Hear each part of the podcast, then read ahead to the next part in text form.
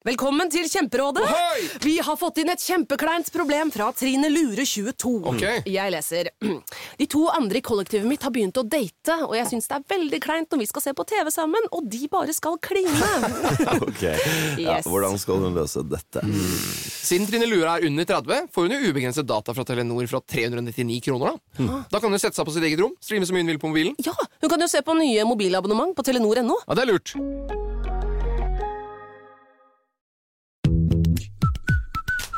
Og velkommen til Femihelse, en podkast om kvinnehelse fra A til Å. Og jeg heter Helene, Og jeg heter Sigrun. og vi har startet denne podkasten fordi vi mener at det bør snakkes mye mer om kvinnehelse. Så la oss snakke. Hallo igjen. Bonjour. Og vi er så internasjonale. Ja, ja, nå er vi jo litt inni det allerede. Vi satt her eh, på hvert vårt soverom og har prøvd å spille inn eh, en episode med to eksperter, men teknikken var ikke på vår side i dag. Altså, det er helt lættis også hvor utålmodig man har blitt på sånn videomøter. To over så sitter man der og er sånn Nei, nå har jeg glemt det. Det blir ikke noe Ja. av. Jeg ringer henne Jeg ringer henne tolv ganger til hun tar den. Har du glemt det, eller kommer du under møtet, eller? Hvor er du? Altså, jeg lurer på om dette kommer til å gjøre at vi faktisk blir mer presise når vi kommer ut på den andre siden. Eller bare mer provoserte? Ja, mer sintere kanskje bare. Men jeg tenker jo at det kanskje er en god ting. En god venninne av meg, Rikus, hun eh, fortalte noe spennende som hun hadde lært på sånn eh, lederskapstrening. Jeg kaller det det, det var sikkert ikke det det het, det hun var på, men jeg kaller det det. Og det er det at de sjefskurs? nå Sjefskurs. Eh, Boss Lady Crash Course. De har nå, eller de har De som holdt kurset for henne, som er en sånn mentaltrener som heter Cecilie, som også har en ganske fin podkast. Eller har en veldig fin podkast. Cecilie Ystenes. Ja. Er det ikke det? Ja. Ja. Jo, Cecilie Ysnes Hun er i hvert fall mentaltrener. Jeg hørte nettopp en podkastepisode med henne. Hva, hvem var det? Det var Mamma jobber. Ja, ok. Ja, riktig. Sier Eh, Mira Khan. Ja, veldig, den er også veldig fin. Anbefaler alle å høre på den nå. Uansett, da. Hun snakket om at nå så er det sånn at fordi vi har stressa så mye, sittet så mye inne, vært så agiterte og beveger oss mindre, så har vi veldig mye stresshormoner i kroppen. Så hun sa at liksom nå, nå er mer enn noensinne det kjipeste rådet, men som vi egentlig alle trenger å høre akkurat nå, er at vi må komme oss ut og bevege oss mer. Før vi kan begynne med noe form for egentlig sånn mentaltrening Eller nå overdriver jeg, for det er sikkert mange som kan dette her uten at man kan det. Men eller uten at man trenger å bevege seg så mye først og sånn, men det der for å begynne med yoga eller meditasjon eller sånne ting som er sånn slow og innovervendt, kan være ganske vanskelig nå, fordi vi har tydeligvis, da, eh, har de researcha på. Så det er egentlig bare et sånt ekstra påminner om hvor viktig Så vi er egentlig ikke så tilgjengelige nå, på en eller annen måte? Nei, riktig.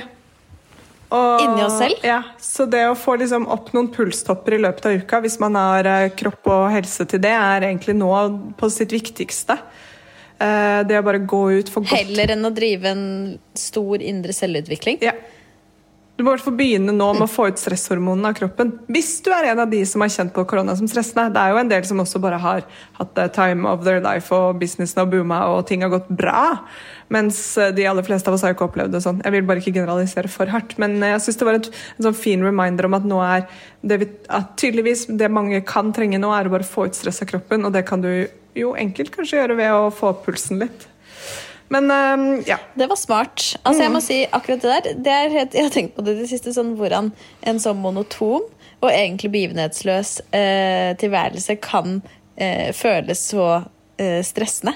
Og jeg tror det er fordi måte, livet blir mindre oppdelt. At alt bare går i ett. Og spesielt eh, når man jobber en del, så er det på en måte bare jobb. Man kommer på en måte ikke helt ut av den boblen, selv om man kanskje spiser middag, er med barn og jeg vet ikke, altså, gjør andre ting. Men allikevel, jeg for, for min del i hvert fall, synes det er vanskelig å liksom, Det skillet er litt borte. Ja. Sånn at stresset tar deg igjen litt, på en måte. Det er, med, det er med døgnet rundt, og så går vi mindre. Vi går jo ikke til jobb, vi går ikke rundt på jobb, vi går ikke rundt på kontoret. Vi har ikke det der ut og løpe og fikse noe. Så det er, det er rett og slett kanskje mindre bevegelse for mange av oss, da, den der hverdagsbevegelsen. Men dette her skulle ikke være en mindre podkast. liksom Det skulle egentlig ikke være en podkast Ikke hvordan du skulle overleve korona. Føler den er vi litt ferdig med hele gjengen. Men jeg syns den var en sånn last good reminder på at, eh, at det kan være lurt å komme seg ut hvis man kan det, og få pulsen litt. Det er ikke så rart hvis man føler seg stressa. Ja. Nei, det er lurt. Det, det er skikkelig lurt. Lykke til, folkens. Snart i mål. Ha det. Nei da. Nei, dette Vi tenkte at vi bare skulle mm, snakke litt med dere. Eh, snakke litt om hva som skjer, og hvordan vi har det, og eh, siste updates på prevensjonsmidler. Som Helene sa selv, det har jo kommet en storm med meldinger på hvordan det egentlig har gått med denne Gynefixen.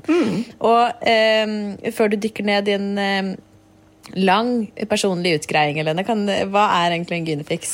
Gynefix er eh, en, et, er en hormonfri um, Man kan jo kalle det en spiral, da. Det er jo, man kan kalle det, men det ser ikke ut som vanlige, hormon, altså vanlige spiraler lenger. Det ser ikke ut som en T-en. Det er som en liten snor med noen kobberkuler på, og så setter man De kaller det så lekkert et lite anker i livmorveggen. Så det henger på en måte i midten av livmoren.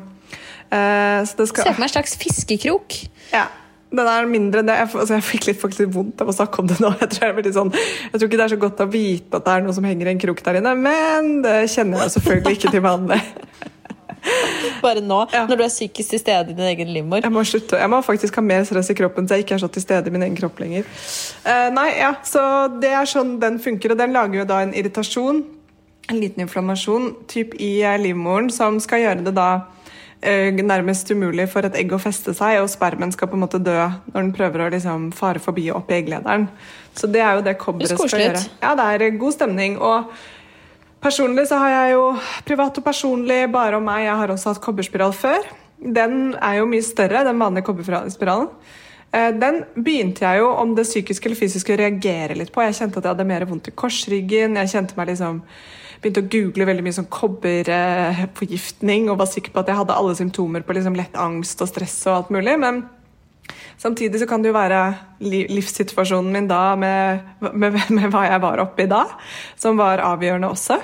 Um, men, men jeg vet Det er jo altså Ikke for å liksom gni helt inn på den siden der, men det er jo det er en del som snakker om ok, hva gjør egentlig det å ha kobber i, i kroppen sånn. Hvis du spør en gynekolog eller lege, så vil de si ingenting. Dette er forsket godt nok på, dette er helt fint. Men så er det noen som føler at de reagerer på det. Og det skal man ta seriøst. Men jeg gjorde jo nå en sånn kjemperunde på Ok, Jeg har ikke lyst til å bli tilfeldig gravid med noen, selv om det hadde vært en fristende løsning på å slippe å drive og Nei da, på å få barn. Nei, tuller. Vil ikke det. Selvfølgelig vil jeg ikke det. Og derfor så måtte jeg liksom finne ut av hva slags prevensjonsmiddel jeg skulle ha. Og i og med at jeg nå fyller 36 om noen uker, så fant jeg ut at hormonprevensjon det uh, føler jeg meg litt for gammel til, uten at jeg er så veldig sånn scientifically proven uh, for det. Men man skal helst ikke begynne på p-piller. Hvorfor det? Nei, altså sånn, De sier jo at man helst ikke skal begynne på p-piller etter at du har fylt 85 på nytt, uh, fordi det er større risiko for blodpropp. Men, men Det er jo ikke en enorm risiko, men den er der. Men en hormonspiral, da? Ja, nei, og Det har jeg jo også hatt før i livet, og det var jeg jo relativt fornøyd med. Men så orket jeg ikke helt den der å blø meg inn i det sånn de første seks månedene. Og så, videre. og så har jeg lyst til å kjenne på egen syklus. Det er viktig for meg.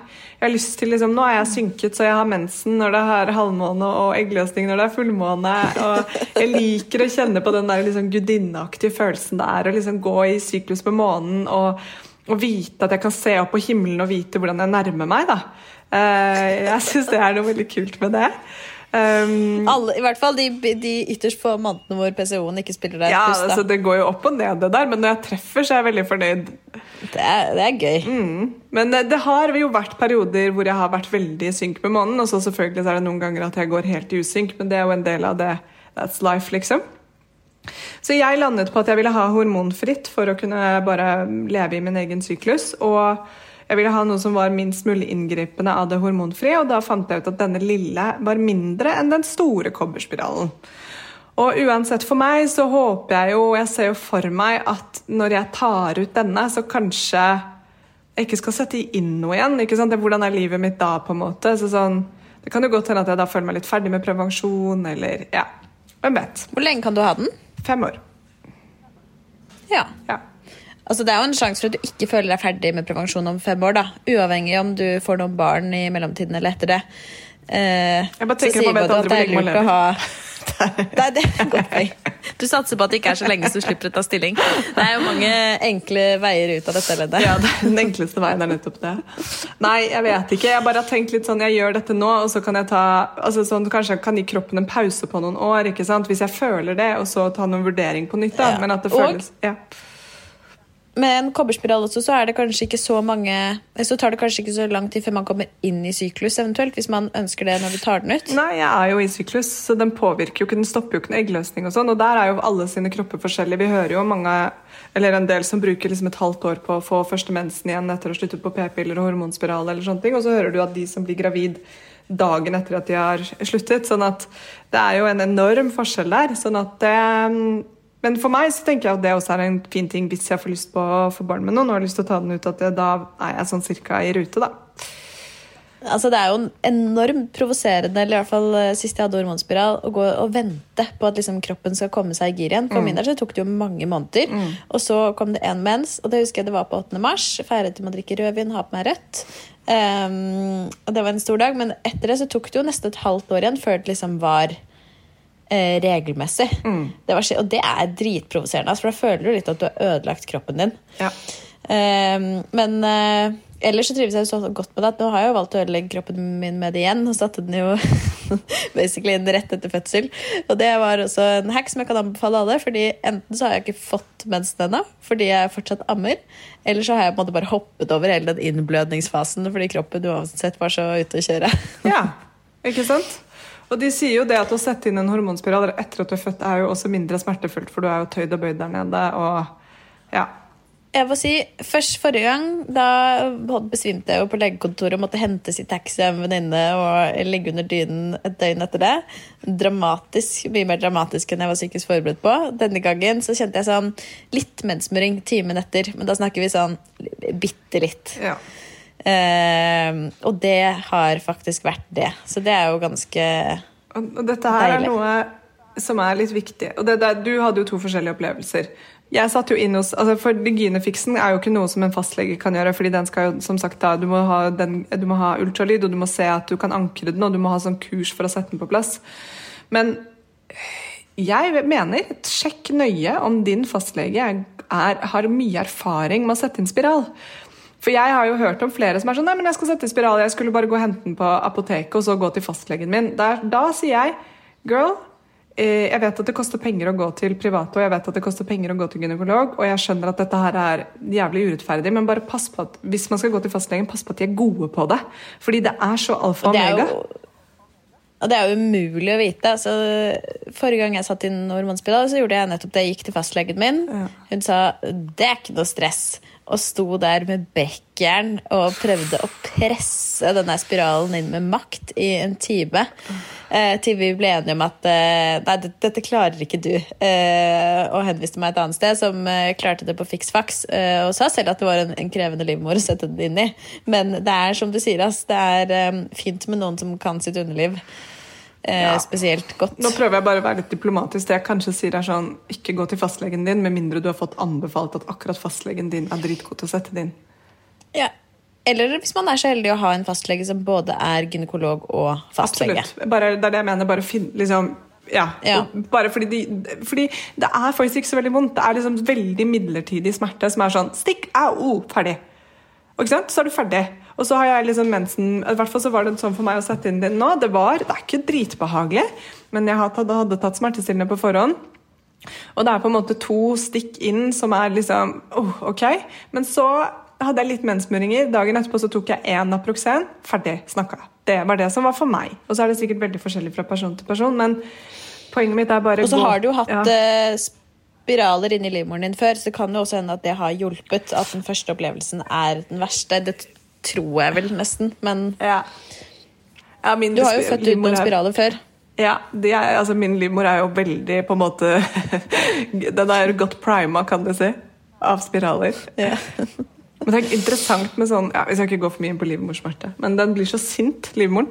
Jeg føler at den blir så fly forbanna når det kommer noe inn der. Da er den bare sånn Den reagerer sånn sporenstreks med bare sånn Ja. Jeg tror det var det de sa til meg når jeg hadde så jævlig vondt den første gangen. At liksom det er livmoren som prøver å dytte den ut. At det faktisk er liksom kramper rundt spiralen. Liksom rielignende. Ja. Som prøver å dytte den ut, for den merker at det er et fremmedlegeme der inne. Så det er jo mm, ja. Men det, Og det er jo fakta, det, på en måte. oppdatering da på hvordan det går, og hvordan det er å ha den i, det er at den funker jo helt strålende. Um, den er eh, ja, rett og slett eh, Jeg har nå hatt to eh, eh, mensener på den, hvis man kan kalle det det. To perioder. um, jeg, Mensenener, mener du? Mensenener, ja. Um, og det, den første var litt heftig, men den andre som var nå, den er egentlig helt som før. Og jeg er jo da typen, hvis du vil ha et sammenligningsgrunnlag, så er jeg typen som tar smertestillende dag to.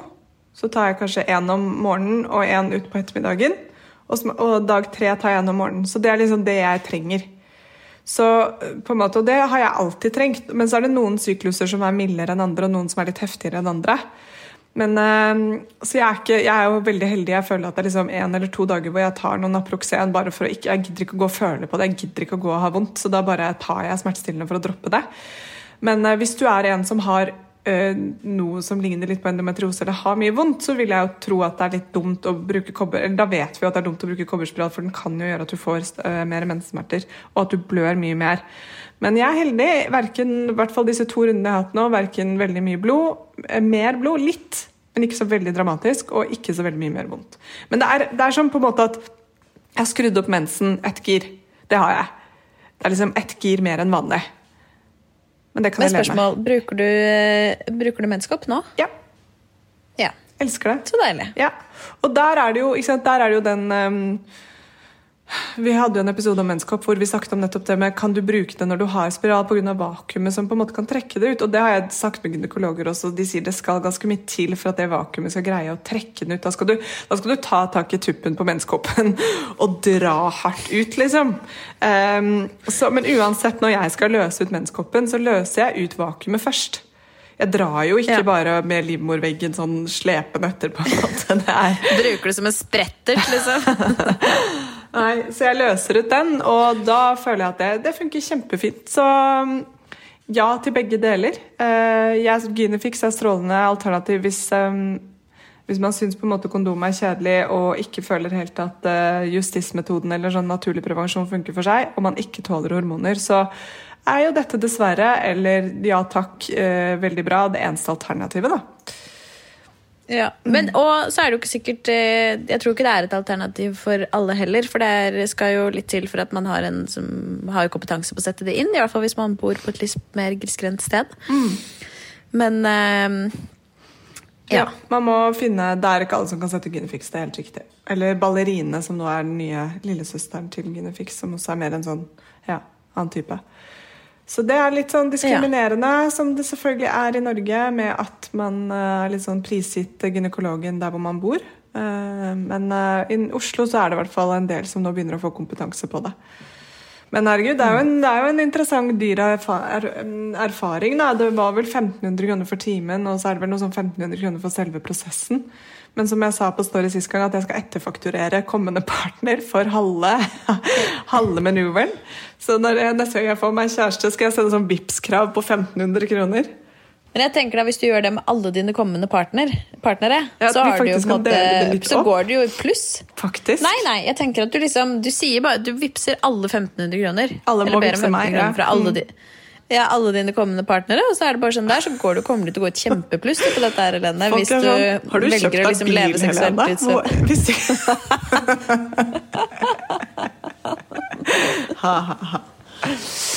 Ja inviterer til sexfest hjemme i den rosa bula. 1500 kroner per stykk.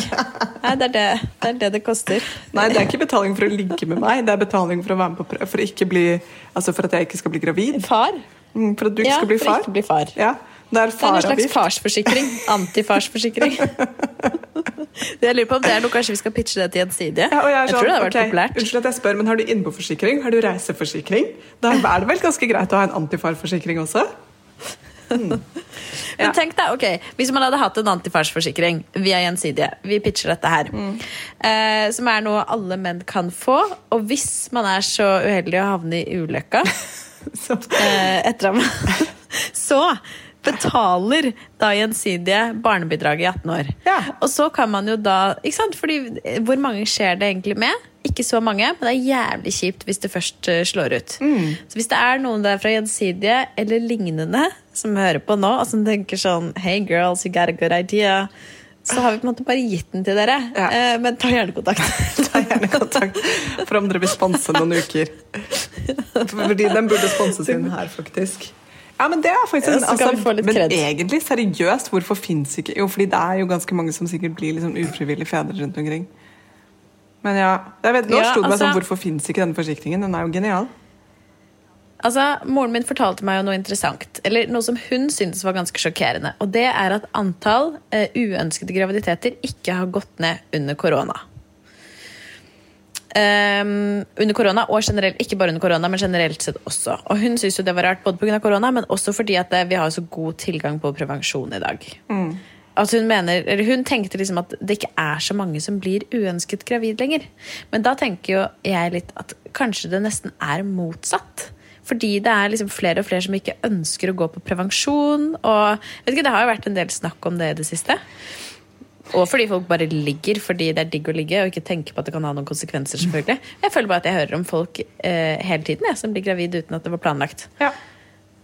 ja, og så kanskje man også tenker at man er sånn generelt beskytta fordi så mange av oss er beskytta, og at man ja, altså liksom, at man tenker at det er en sånn masseeffekt. At fordi jeg har kobberspiral, så kan ikke du bli gravid, liksom. Jeg vet ikke. Det er også en teori. Det er min teori, i hvert fall. Jeg bare kjente at jeg ikke syntes det var så sjokkerende. Jeg føler at uh, Ja, at kanskje Nei, jeg vet ikke helt. Nei. Kanskje fordi det er en blanding av at det er enkelt eller enklere å få en abort nå enn det kanskje var tidligere. Og På 70-tallet, ja, men liksom Ja. Nei, men jeg vet jo, jeg tror de aller fleste som blir altså At man ikke tenker at abort er liksom nødprevensjon, på en måte. Det gjør ikke jeg heller. Nei. Jeg bare Nei, jeg vet ikke. Nei. Jeg vet ikke 100 ikke kildene til denne statistikken. Jeg liker at vi nå har begynt å referere til mødrene våre som sånn helsepersonell. Mamma sa til meg Ja. Så ikke hør på det vi akkurat sa. Men diskuter det gjerne blant dere. Ja. Ja, gjør det. Det var et forslag på en slags samtalestarter. Men dag Men um, vi ser jo hverandre litt mer enn vanlig, da, Lene. Ja. Og jeg har begynt med en ny livsstil. Det er eh, Ja, eller ja. ja. Du har begynt, startet en slags bigeskjeftighet. Jeg er blitt eh, 20% mor for ditt barn. Ja. Og det har vi jo sagt hele veien at det var jo selvfølgelig Det har jo vært planen. Ja. At dette er jo et slags uh, delbarn. Men nå har vi tatt det ett steg lenger. Fordi nå passer jo du Tutti en gang i uken. Ja. Det er skikkelig hyggelig. Kjente etter denne lange Enn så lenge. Enn så lenge. I dag tok jeg med å telle timer, faktisk. Fordi hun nektet å sove, og så så jeg på klokken så så jeg at den var ett, og så tenkte jeg faen, det er tre timer igjen.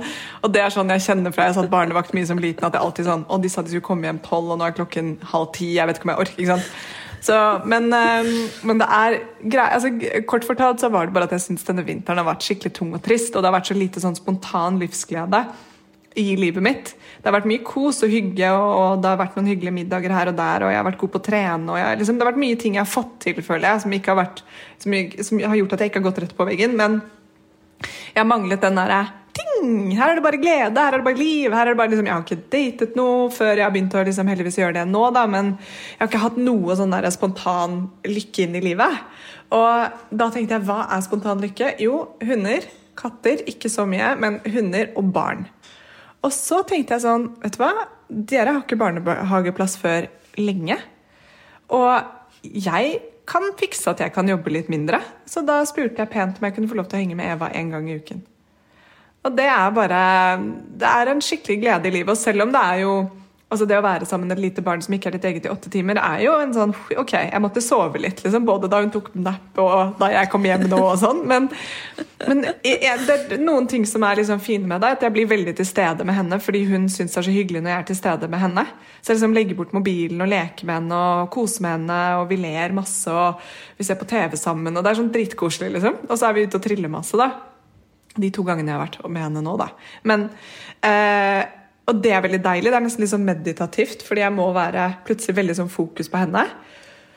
Så Det er litt mindfulness, på en måte. Ja, det er det. Og så merker jeg den andre tingen at jeg blir ikke stressa. Jeg blir ikke sånn Før da jeg sittet barnevakt, så har jeg alltid blitt litt sånn eh, Blitt mye svett og stressa og ikke følt meg at jeg har greid å være til stede og vært litt så mye bekymret. Men rundt Eva så er jeg bare sånn Jeg føler vi bare er to girls henger, liksom, henger rundt og koser oss. da Sover litt og liksom raper litt og ler av det og Det er god stemning, liksom. Um, nei, så det er skikkelig skikkelig hyggelig. Det er en skikkelig boost i livet. Og det er jo de derre tiltakene man kan ta når man ikke har det så bra. Men som av og til er bare helt umulig å skjønne hva kan være. Så, så hvis du ber om mer livsglede, hva ber du om da? Altså, hvor begynner du da? Så bare, ja, du kan melde deg på sånn online Zumba-kurs, liksom, men det var kanskje ikke det du så for deg. Og så liksom er det de samme vante tingene man gjør. Da man kan ta et glass vin med noen, eller gå en tur, eller liksom øh, sånne ting. Men det, det følte jeg på en måte var litt sånn «Ah, Ja, men jeg har gjort det før. Det er ikke der det ligger. Og så plutselig så falt det ned, og så var det bare å skynde meg å ta tak. Og så har jeg jo tross alt verdens kuleste sjef som var bare sånn Seff, skal du få lov til å ta fri en dag i uka? Som selvfølgelig ikke alle har muligheten til, da. Men øh, for meg var det helt nydelig. Og så er det jo Det er jo nå i april og mai, og så får vi se liksom om det trengs, eller hvordan det funker eller ikke funker. Men det er uansett drithyggelig. Ja, nei, Det er en skikkelig blessing. Det er jo søsteren min som uh, passer henne til vanlig. Og um, det er ganske Jeg tror jo det er ganske heftig for henne en overgang å uh, gå fra null til 100 når det kommer til å være med en snart ettåring uh, hver dag. Så um, jeg tror hun er skikkelig skikkelig glad for det også. Jeg synes det er kjempekoselig. Har det vært noen surprises? Um, er det noe du ikke hadde tenkt på? Ja, altså det er jo Nei, altså nå er sannheten at jeg har sittet ekstremt mye barnevakt fra jeg var tolv. Det var liksom det jeg tjente penger på fram til jeg var liksom, kanskje 25. da. Og jeg hadde jo en flokk på fire stykker som jeg fulgte fra de var eh, Fra tvillingene var liksom ni måneder, og satt barnevakt til ja, de var 13, ikke sant? Så, og de fikk to yngre søsken. Altså, det er så gøy at vi har gjort dette her begge to, for vi har gjort akkurat det samme. Jeg hadde ja. også tre stykker fra liksom baby-baby, og det eldste var seks år, tror jeg. Og så fulgte i mange, mange år. Ja. Nei, og, og jeg, jeg, tror liksom ikke det har vært noen overraskelser, men jeg må, som jeg sa i sted, at den største, hyggeligste overraskelsen er at jeg koser meg sånn. At jeg liksom er så chill, og at jeg roer meg helt ned, og at det er så Det er liksom ikke noe Det er ikke så kjedelig som jeg trodde. Fordi det var jeg spent på hvor mye kom jeg til å kjede meg, liksom. Uh, men ja. det gjør jeg ikke. Uh, jeg ble mer sånn stressa i dag fordi hun ikke ville sove, og så tenkte jeg sånn åh, nå Men så bare lukket jeg henne inn på rommet, og så sovnet hun til slutt. det er min taktikk. Nei, men uh, Og med en overraskelse. Kanskje litt sånn hvor Hun er jo bare elleve måneder, da. Mm, hvor på en måte til stede hun er, eller hvor liksom hvor mye hun får med seg, hvor mye hun tuller, hvor mye humor hun har. Det er sånn Jeg har glemt litt at ettåringer har veldig mye av det. da. Um, og sånn som i dag når vi satt og spiste Hun spiste noen uh, spagettigreier, og jeg satt og drakk en smoothie, og så rapa jeg bitte litt. Jeg gjorde altså sånn veldig liten rap, og da driver hun og etterligner og prøver å rape, hun også, og så ler hun godt av seg selv. tenker jeg sånn Det her er helt nydelig. Altså, ja, så det er, det er de tingene der som er Ja, God gøy. humor etablert. God humor etablert. Og så sier hun jo 'oi', 'oi' til alt hele tiden. Så nå, som du vet, så prøvde jeg å lære henne 'oh la la', 'oh la la', for å få liksom en litt større vokabulær mellom 'oi' og 'oh la la'. Så vi får se om jeg får inn det neste. Bob, da. Bob Bob, kan hun det? Nei, Bob. Ja, Bob. Bob, Bob. Ja, Bob, Bob, ja, det kan hun. Bob. Alt er Bob Bob. Bob, Bob. Bob, Bob, Bob, Bob, Bob, Bob. Men hun sa faktisk det etter at du gikk, så var hun så prøvde å si sånn Ja, si, vis hva du har lært å si i dag, du. Altså, hun, det er noe i emning der. Yes. Ja, det er veldig gøy. Hun er så søt. Så ja, det er uh, skikkelig hyggelig mm. for oss alle. Mm. Skikkelig koselig. Jeg, føler... jeg tror det er skikkelig bra for henne også. Det jo, jeg tror de har skikkelig godt av å bli eksponert og bli kjent med flere voksenpersoner. og jeg tror det er skikkelig sunt, rett og slett. Mm. Og spesielt også det å få være rundt mennesker som både Jon og jeg er veldig glad i, er jo en skikkelig, skikkelig blessing. Mm. At, uh, jeg tenker at hennes sfære utvikler seg litt utenfor bare, bare oss også. Mm. Ja. Og så er det jo sånn, altså For meg som har kjent liksom på til tider sånn jeg vil, jeg vil, faktisk ikke kalle det et psykisk barnesavn, men mer et sånn DNA-aktig barnesavn. At jeg blir sånn at det kjentes ut som kroppen min gjerne skulle hatt noen barn. Eh, selv om hodet mitt er veldig glad for at jeg nå skal gå inn in the boring 20 summer uten barn og kose meg og leve mitt beste liv. Så kroppen min kan bli litt sånn åh, nå, nå skulle jo du vært gravid og ammet og født og holdt på, liksom. Men den, den, det å få være rundt barn, det stiller litt det behovet for meg. Fordi da blir jeg helt sånn Det er jo ganske deilig for meg å kunne gå hjem klokken fire. Sånn ha det!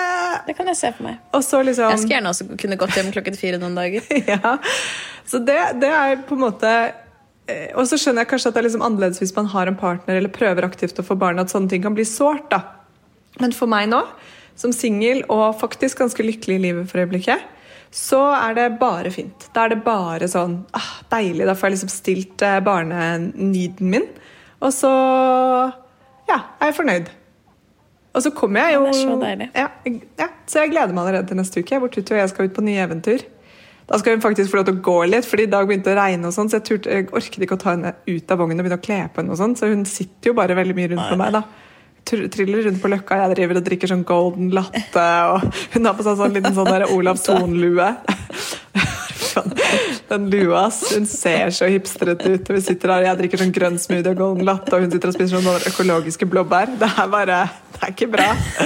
Tutti og Lene på tur. Løkka baby. Løkka. Men der har altså arket Arket har eh, Det er en høssel å selge lue i størrelse 0 til 8 år. For det, begynner, det må både begynne og slutte litt vanskelig. For nå er det jo liksom eh, Altså, Lua dekker jo på mange måter hele ansiktet, ellers er det en enorm topplue som det på en måte fort blir. Men så ser jeg for meg når dette barnet da blir åtte år, selvfølgelig fortsatt har på seg lua, så kommer det til å være en sånn mikro-hipsterlue da, som ligger liksom rullet opp som en liten kalott på toppen av hodet. Og kanskje det er det som har skjedd med alle Så- disse som går rundt med sånne rullet opp luer på, på Løkka. At de begynte som babyer, og så har de bare aldri tatt av seg lua.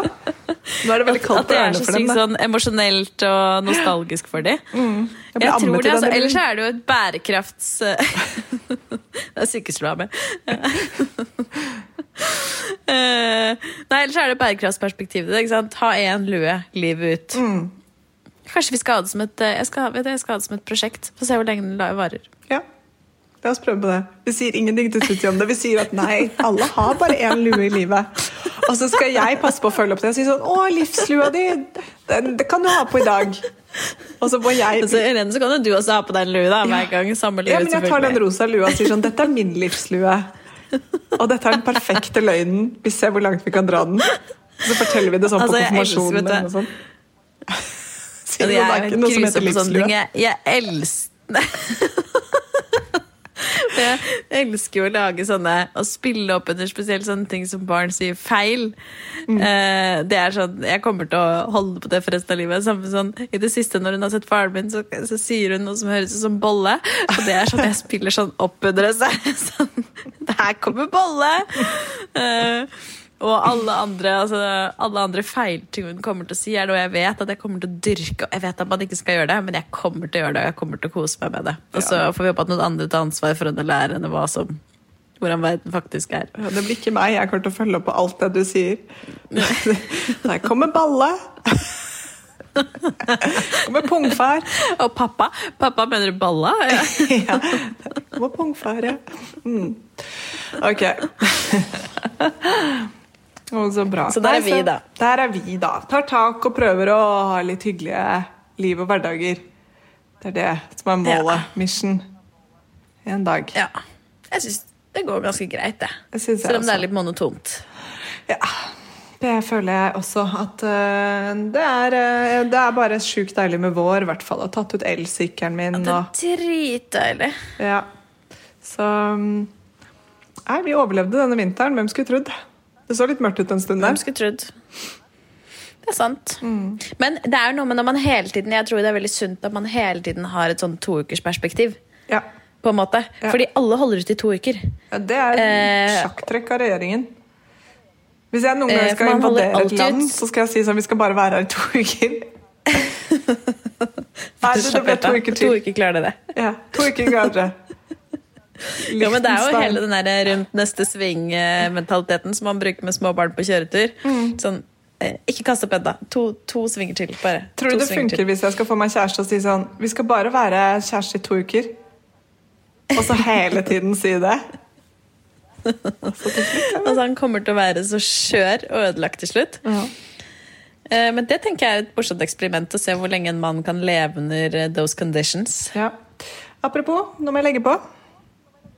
Jeg Ja. får Eh, besøk. besøk. Spise pasta. Mm, mm, mm. Så deilig. Jeg skal spise pasta, lasagnerester, og det er de beste typer restene, for det er blitt Ja, enda bedre lasagne er faktisk den beste resten. Ah, man må aldri, man burde egentlig alltid spise spise lenge etter at det er laget. Ja. Men um, det, vi skal paste oss, Uh, og håper dere også koser dere på en eller annen måte. Ja. Og så um, snages vi ganske snart. Vi snakkes! Jeg liker at vi har blitt sånn Vanessa og Synnøve snakkes. Det liker jeg ikke. Det må vi slutte med. Strekker oss etter det. Ja.